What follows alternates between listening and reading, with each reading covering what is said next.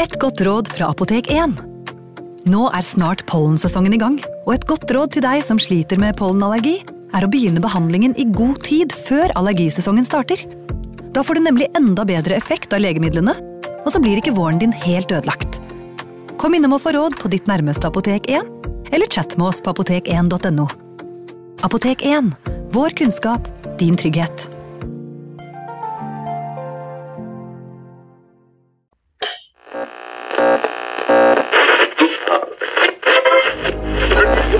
Vi skal gjenta særmeldingen i dag.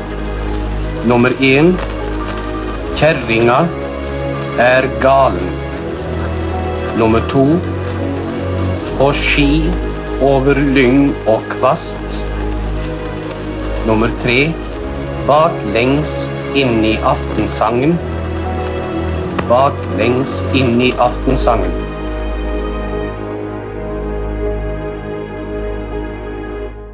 Denne uken så spoler vi først fram Eirik VM til april 1945, altså et halvt år eh, omtrent etter vi forlot uh, lytterne våre sist. Mm. Det er uh, sent i april 45, ja. 29. april trolig, skriver du i De kalte dem rottejegere. Da er det en ung mann oppe ved um, på Kvikne, i Kvikne mellom uh, altså Trøndelag og Østerdalen, da. Mm. En ung mann som heter Odd Stokke, som ser noe i elven. Ja, han eh, ser eh, ja, noe han Han antar det kan være en eh, menneskekropp som ligger på en stein da i, i den elven. At det står trolig 29. april eh, 1945 i boken her, er at det var litt vanskelig Fordi det er litt forskjellige avis... eh, Altså, Avisene omtaler det, men det er litt vanskelig å, vite helt hvilken dag de peker til, eh, tilbake på. Ja. Så Derfor så, så kan det ha vært 29. april, kan ha vært 28. april, men, eh, men vi er jo da i, i, i slutten av den, av, av, den måneden hvor, hvor dette funnet blir gjort. Så det er jo da, som du sier, Odd Stokke Slutt, og slutten av andre verdenskrig. og slutten av andre verdenskrig. Vi er bare ja, en, litt over en uke til det hele er over.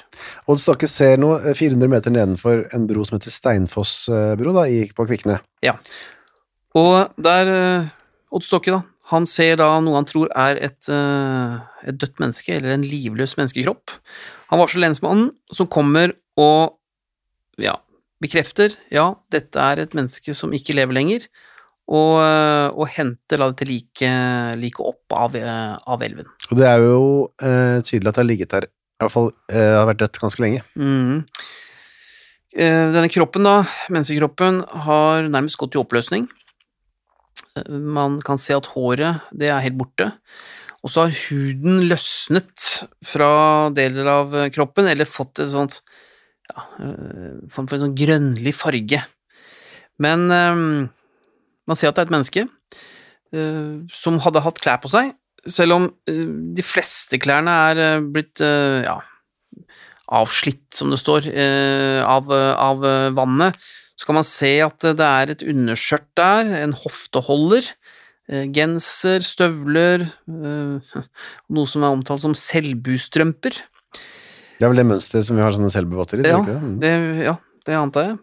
Eh, Sånn innledningsvis så er det vanskelig å se noen sånne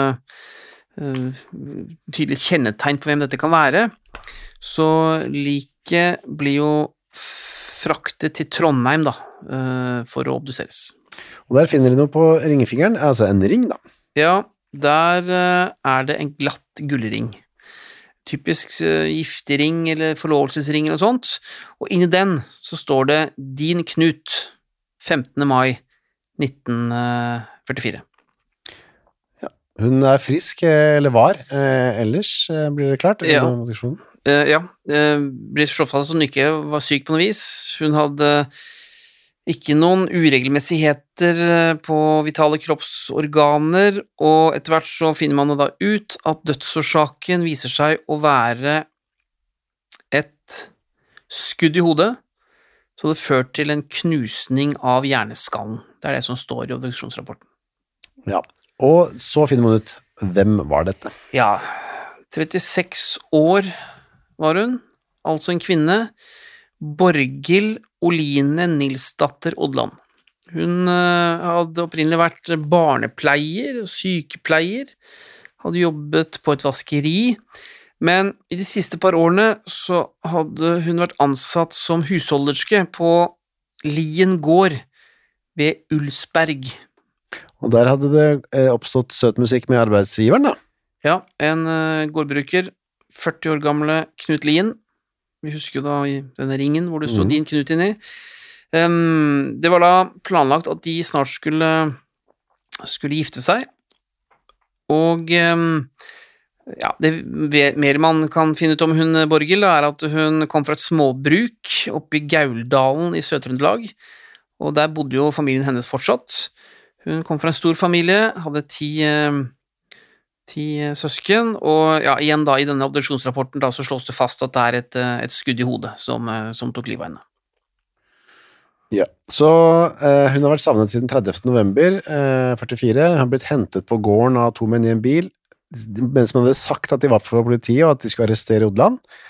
Eh, også dagen etter hadde noen skolebarn sett noe blod i snøen like ved denne broen, da, Steinfoss bro. Det var blitt forsøkt skjult ved at noen hadde sparket snø over det. Eh, og da de barna fortalte om blodet til foreldrene, så hadde de sagt eh, eller fått beskjed om å ikke si noe mer om det. Mm. Så man har jo da Altså politiet greier jo da etter hvert her å, å peke bakover til da 30. november 1944 og dagene etter, hvor de da etterforsket en forsvinning.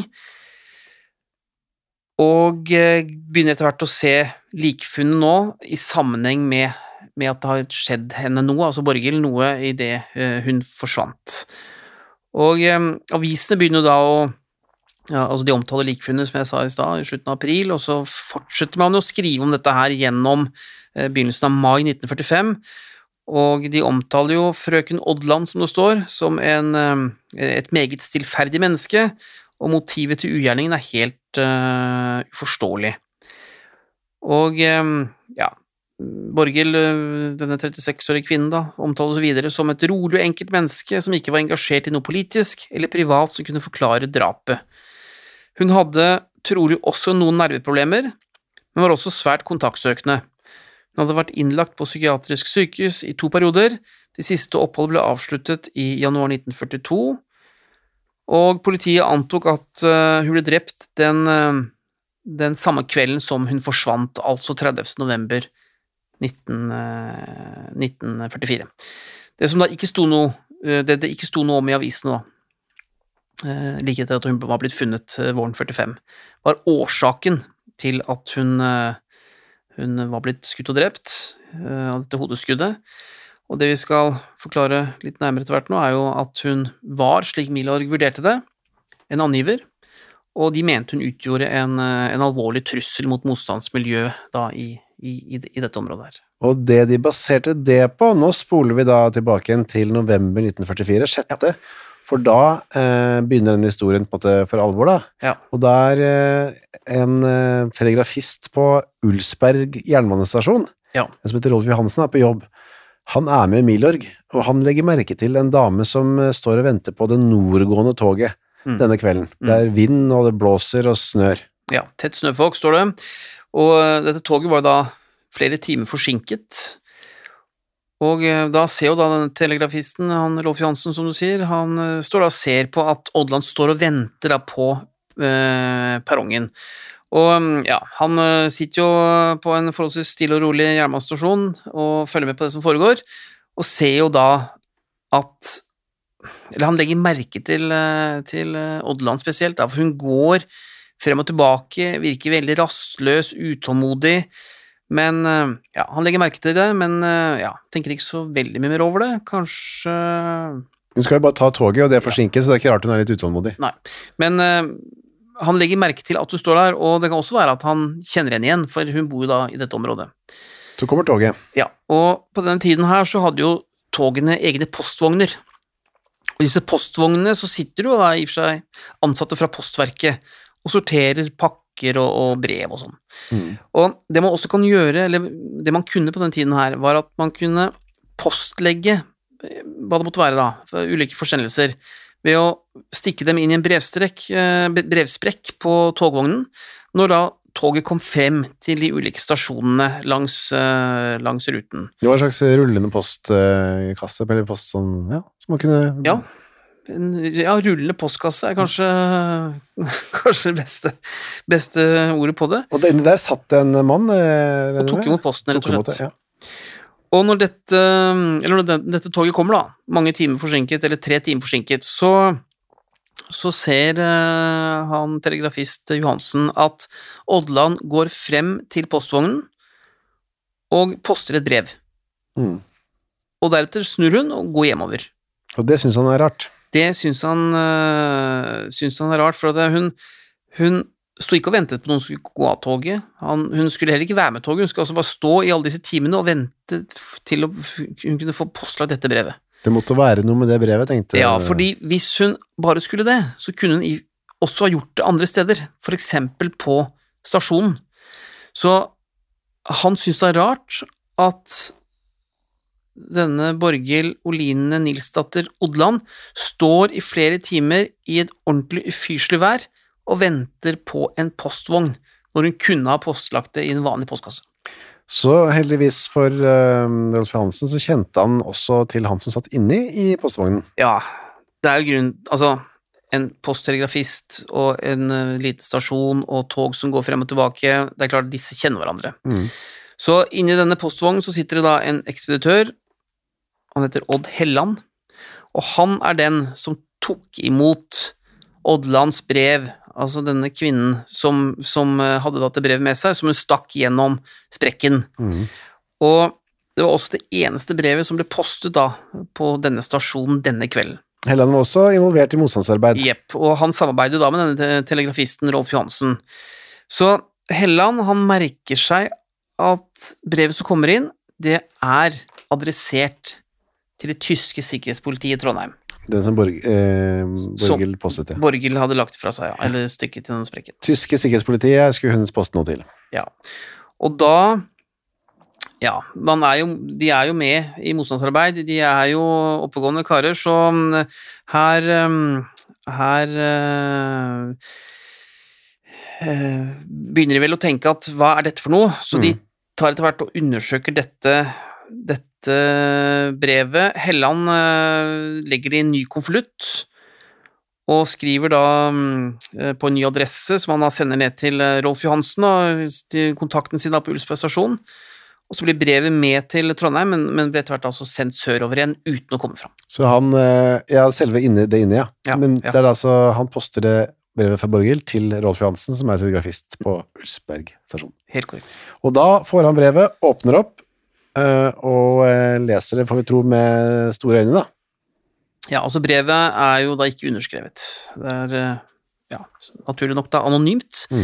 Men eh, her, her, her begynner det å bli Altså, det er en historie med litt nyanser i dette her, fordi i og med at det ikke er underskrevet, så er det jo vanskelig å være helt sikre på at det er Borghild som har skrevet det, men i sin rapport skriver Rolf Johansen at han er sikker på at det er øh, Oddelands håndskrift, for han mener å kjenne den igjen. Ja, fra andre sammenhenger? Ja, det må, det, det må man da anta at, hun, eh, at han har sett eh, brev hun har skrevet før, Mm. Eh, uten at det står noe om i rapporten at det var til det tyske sikkerhetspolitiet eller til noen andre. Hva står det i brevet? Det er, det er eh, som Rolf Johansen selv eh, skriver i sin rapport, han ble het om ørene. Ja. Eh, Brevet hadde et sjokkerende innhold, slik han eh, oppfatter det. Og det han kan lese da i brevet han er sikker på kommer fra Oddland, det er at hun navngir flere menn i bygda, som alle, ifølge henne selv, er involvert i motstandsvirksomhet. Og det er ikke bare sånt enkelt eh, Det er ikke noe sånn navnelister og, og enkelt gjort. Hun har detaljert beskrevet hva de var med på, hvem som hadde våpen, og hva slags gruppering de kunne være involvert i. Og hun hadde også fått med seg at eh, en lensmann ved navn Myhre hadde, som hun skriver, utstyrt en desertør. En eh, eh, Hun har hatt eh, et forhold til en eh, tysk soldat som, eh, som også hadde fått noen falske legitimasjonspapirer.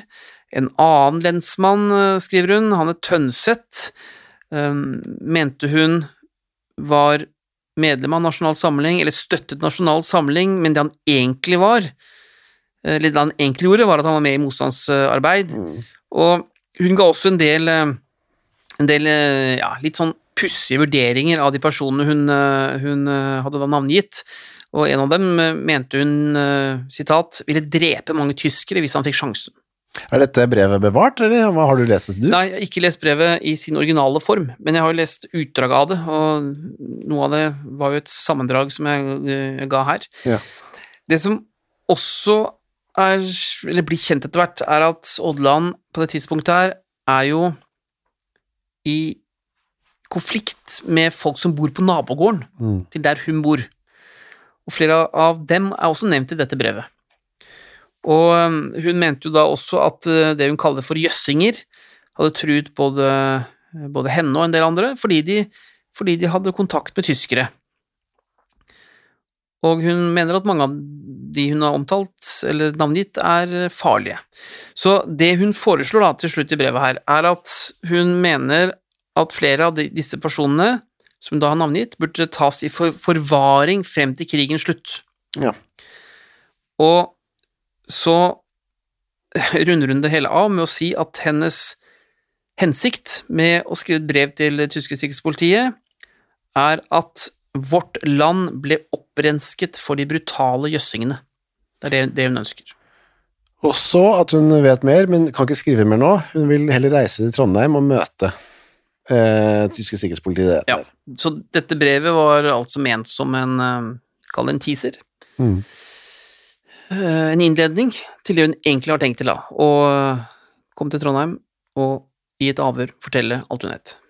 Det er jo ikke så vanskelig, eller det er ikke så lett for oss å vite hva som er greia her, fordi du sa også hun har vært psykiatrisk pasient, og liksom drar inn eh, naboer hun krangler med, og hva, liksom, hva som er eh, Ja, virker motivet. Ja, virker eh, Det virker litt sånn forvirrende. Altså, hvordan skulle hun ha så god detaljert oversikt over alt som foregikk? Men som vi vet fra andre små lokalsamfunn, ryktene gikk Hvis man var opptatt av å finne ut av ting, så var det kanskje ikke så vanskelig å danne seg en viss oversikt. Man kunne også ha litt fantasi her. Mm. Uansett, da, så vurderer jo Milorg dette brevet, denne hendelsen, dette ønsket om å komme til Trondheim forteller det tyske sikkerhetspolitiet alt man vet, som såpass farlig at det blir bestemt at eh, man må gjøre noe. Johansen, han eh, forteller om dette til de andre i Milorg-gruppa lokalt, da. Ja, og konklusjonen i eh, den lokale uh, gruppa er at uh, Borghild Oline Nilsdatter Odland måtte fjernes så raskt som mulig, står det i, i, i, rapporten, i rapporten, og det må skje før hun rekker å komme seg til Trondheim. Så setter man ut vaktposter ved stasjonen for å passe på at hun ikke sender flere brev, og så reiser eh, Johansen til Tynset for å snakke med liksom, ledelsen. Ja, eh, Middellag-ledelsen i distriktet der, og hensikten er selvfølgelig å, å få diskutert skikkelig hva, hva gjør vi, Mm. vurdere muligens det, det vi har snakket om nå, eh, sannhetsgestalten i, i det brevet, og sikkert også diskutere tiltak. Det må jo nesten være sånn at de visste at dette, noe av dette var sant, i hvert fall, at hun ikke bare fantaserte fram, for da ville det ikke vært noe trussel. Nei, det er nok grunn til å anta at mange av de navnene som hun mente var involvert i motstandsvirksomhet, eh, faktisk også var det. Han møter en uh, kompani Lingemann, uh, Johansen, når han kommer til Tynset. Ja, det er 29 år gamle Oddvar Dobløv fra Kompani Linge. Han er jo tilfeldigvis da på Tynset idet det Rolf Johansen kom på besøk. Dobløv er nestleder for en spesialgruppe som gikk under navnet Grebe. Eh, de skulle jo utføre sabotasjeaksjoner i Østerdalen og Gudbrandsdalen. I tillegg skulle de ta imot våpen og en del materiell, eh, materiell eh, slipp. Da eh, han får høre om eh, dette, dette tilfellet, dette forholdet, så foreslår han umiddelbart at denne kvinnelige brevskriveren, og det de mener da er en angiver, må eh, tas livet av og drepes, altså likvideres. Og det var de andre i ledelsen enig, men ikke Rolf Johansen. Nei, Rolf Johansen er imot det, eh, men som du sier, Milorgs distriktledelse støtter jo opp om det her. Men Johansen han mener at det ville vært for opplagt da, å drepe henne så kort tid etter at han hadde vært utenfor bygda. Ja. At man da i, kunne peke på ham og gi han skylda, eller, eller hva skal jeg si trekke han inn i at hun forsvant. Ja. Så, så uh, det kunne være farlig for, uh, for ham, mente Rolf Johansen. Men han ble ikke hørt, og det ble bestemt at uh, Oddvar uh, Doblaug skulle da utføre denne likvidasjonen av, uh, av Oddland sammen med en, en lokal medhjelper. Ja, så er det litt sånn usikkert hvor mange brev eh, hun har skrevet til eh, tyske, tyskerne. Rolf Johansen sa én, Doblaug skrev to.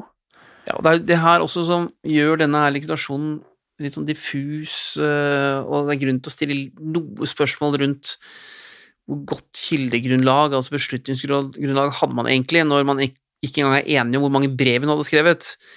Og Ja, men det, det får vi aldri svar på. Det, det, det, det vet vi ikke. Det vi vet er at, eh, at klok, altså den 30. november 1944, klokka seks cirka på kvelden, eh, så er det en som heter John Døsvik, han er 15 år, på vei hjem um, oppe ved Odland der, da, oppe ved dette strøket hvor, vi, hvor Borghild bodde. Ja, han bor jo da i nærheten av, eh, av gården der, eh, der Odland bor da sammen med, med, Ja. med Knut Lien, som da er, er ja, Gården- forlovet med, ser ut til. Gården Lien, mente jeg. Ja. Det er vinterkveld, det er skyfri himmel og litt snø har det kommet. Ja, han øh, bærer jo da på en øh, tung ryggsekk, for han har vært med Eller han har vært på butikken og handlet, og har da med seg matvarer med, med seg hjem. Han er nabo til eh, Knut og Borghild. Nettopp. nettopp. Så er han nesten hjemme, så kommer det to menn gående. Ja, øh, han kjenner dem ikke. Den øh, ene går rett forbi ham uten å si noe, men den andre mann, da, han, øh, han øh, ser på ham, og så, og så tar han kontakt øh, med da denne 15-åringen. Og denne mannen som ikke presenterer seg, han, han spør da denne gutten om det er en dame som heter Borghild her. Bor hun her? spør han. Mm. Og John Døsvik han bekrefter det, sier ja, Borghild, hun bor her, og så peker han da i retning da av gården til, til denne Knut Lien, hvorav Borghild bor. De har på seg veldig forskjellige klær, de to karene der. Ja, den ene han går i et, øh, som Døsvik øh, etterpå forklarte, da, han går i et, øh, ja, et slags sportsantrekk, står det, med anorakk og nikkers, mens den andre, litt annerledes kledd, han har på seg mørk frakk. Og hatt. og hatt, ja. Og denne 15-åringen, han merker seg at mannen med frakken, han eh, har eh, utpreget trønderdialekt, og så lukter han eh, brennevin. Dette er da sannsynligvis, eller nesten helt sikkert, da.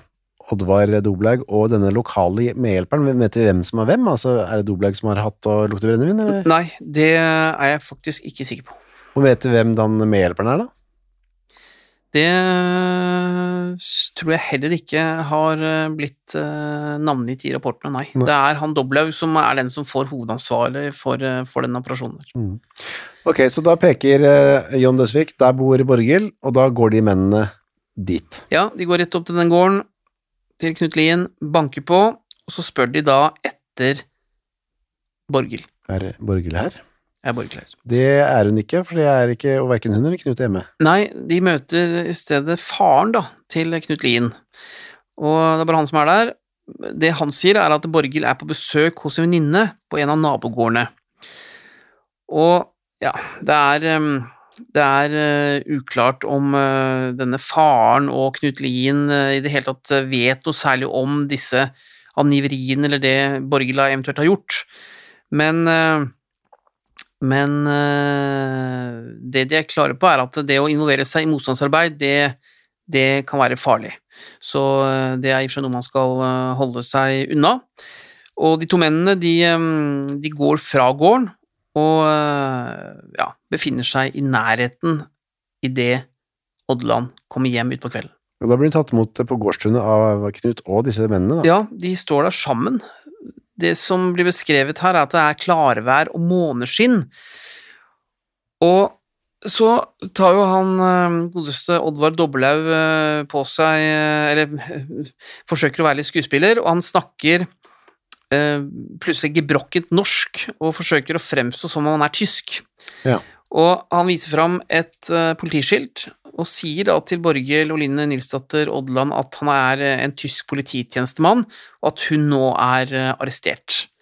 Og da bekreftet hun også at det er hun som har sendt dette brevet. Ja. Det er det som i rapportene trekkes frem som beviset, da, på at hun faktisk har skrevet uh, dette brevet. Og i den samtalen som nå pågår, da, så bekrefter Odland at innholdet i det, altså innholdet i brevet, altså det hun har skrevet, det er riktig. Og hun eh, peker også, eller viser dem, altså disse to mennene som har kommet på besøk, da, den største jøssinggården i distriktet, slik hun beskriver det. Og peker også ut en bolig der, som det står, de verste jøssingene holdt til. Og det er vel da dette de to mennene trenger, ifølge rapporten, for å være sikre på at hun er angiver, og at hun er riktig person, og at hun skal drepes. De ber henne bli med, og at hun ikke trenger å ta med seg noe ekstra klær eller noe rasjoneringskort. Nei, og det Hun har jo tynt med klær på seg, og det er jo vinterstid her. Men eh, som eh, du sier, hun eh, trenger ikke å ta med seg noen ting. Hun blir fortalt, altså, at hun skal få alt hun trenger så fort hun blir med disse mennene. Og de går ned til riksveien og går inn i en Opel Kadett som står parkert der nede. Mm. Og så kjører de til eh, Nåvårdalen i Rennebu, og der stopper de. Borghild går ut av bilen sammen med dem, og så blir hun drept med et skudd i nakken. Og som det står eh, i en annen rapport, at prosjektilet går gjennom hodeskallen og ut av det venstre kinnet. Så blir hun Eller disse to mennene da blir eh, Eller eh, sjekker selvfølgelig puls, og de er sikre på at hun er, at hun er død. Så etter de har gjort det, så fester, eh, fester de, de to en, en, en jernbaneskinne til, til liket. Om de da binder det fast eller helt hva de gjør, det står det ikke noe om. Men uh, hensikten er selvfølgelig at hun skal uh, synke. Og så lemper de henne over rekkverket og ut i, i elven, da. Altså ut i Orkla. Mm. Og det glir den inn under isen, da, liket. Ja, og så håper du jo da at uh, denne jernbaneskinnen drar liket ned til bunns, og at det blir liggende der til uh, på et eller annet tidspunkt går i, i oppløsning. Sånn skulle det ikke helt gå, som vi har vært inne på mange ganger før, så er det vanskeligere å få til enn man tror. Ja, lik flyter opp, om det nå er fullt av bunnfaste steiner eller hva som helst, opp skal de til slutt, av gassene da som kommer inn i, inn i kroppen. Bortsett fra han der um, Mant, da. Han har de vel fremdeles ikke funnet? Nei, han har de fremdeles ikke funnet, men uh, det er sant. Men Borghild ble da liggende, som vi hørte, ca. et halvt år før hun fløt opp til Ja, vi kan bare nevne også at han Oddvar Doblav skrev en rapport da, om denne likvidasjonen av Oddland, og han beskrev henne som en råtten person, og mente at hun fortjente en langt verre død enn å bli skutt i nakken. Ja. Så her, vi har jo snakket litt om at mange av disse rapportene er så noen av dem er nøytrale, andre ikke, men, men her var det åpenbart eh, ikke spesielt nøytralt, da. Han øh, fikk ikke sansen for Borghild. eh. Nei, her var det emosjonelt. Eh, de som bodde, de som faren og altså svigerfar og forlovede, trodde på den der eh, politihistorien. Ja, det, det gjorde de, og de gjør jo heller ikke noe særlig til å begynne med etter at hun har blitt borte. De, eh, de antar kanskje at hun er inntil avhør eller er faktisk er arrestert, da. Men eh, etter hvert så skjønner de jo at det ikke er, eh, er tilfellet, og eh, Borghild eh, blir da mm, etterlyst av statspolitiet. Politiet jobber jo eh, med saken, eh, etterforsker, men det gir ingen resultater. Og så ja, sjekker de litt ulike teorier. De har faktisk en, eh, en mistanke som går i retning av en, av en gårdsgutt i Ja. bygda. Han, eh, han var ikke fra, fra Kvikne, men, men jobbet på, på en av gårdene, og, og eh, ja, lensmannen kommer, de tar med seg han guttungen, da, han Jon Døsvik, for å, for å sjekke om, om han kjenner igjen denne gårdsgutten, men men eh, det gjør han jo ikke, så denne gårdsgutten blir da eh, sjekket ut av, ut av saken. Og så er vi da kommet til mai, eller slutten av april, da, mai Mm. 1945. Og eh, dette likfunnet da blir jo omtalt i, i avisene senest da 5. mai 1945. Og der står det jo at politiet jobber for å finne ut av hvem, hva som har skjedd med henne og, og alt sånt. Og så er det jo tre dager, så er krigen over. Da blir også etterforskningen veldig snart avsluttet og lagt bort, og saken blir glemt og aldri oppklart. Før nå, på en måte. Nå vet vi i alle fall uh, hvem, som, uh, hvem som gjorde det, og hva som skjedde med henne. Neste gang skal vi tilbake igjen til Oslo. Da skal vi tilbake til Oslo, og når vi har snakket om personer man mente fortjente å bli likvidert, Ja. Så er vel kanskje han vi skal eh, bli kjent med neste gang, en av dem. Da kan vi både glede oss og grue oss til det. Takk for denne gangen, Erik. Selv takk.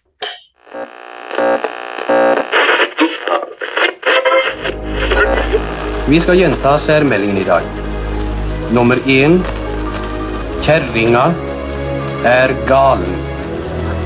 Nummer to På ski over lyng og kvast. Nummer tre Baklengs inn i aftensangen. Baklengs inn i aftensangen.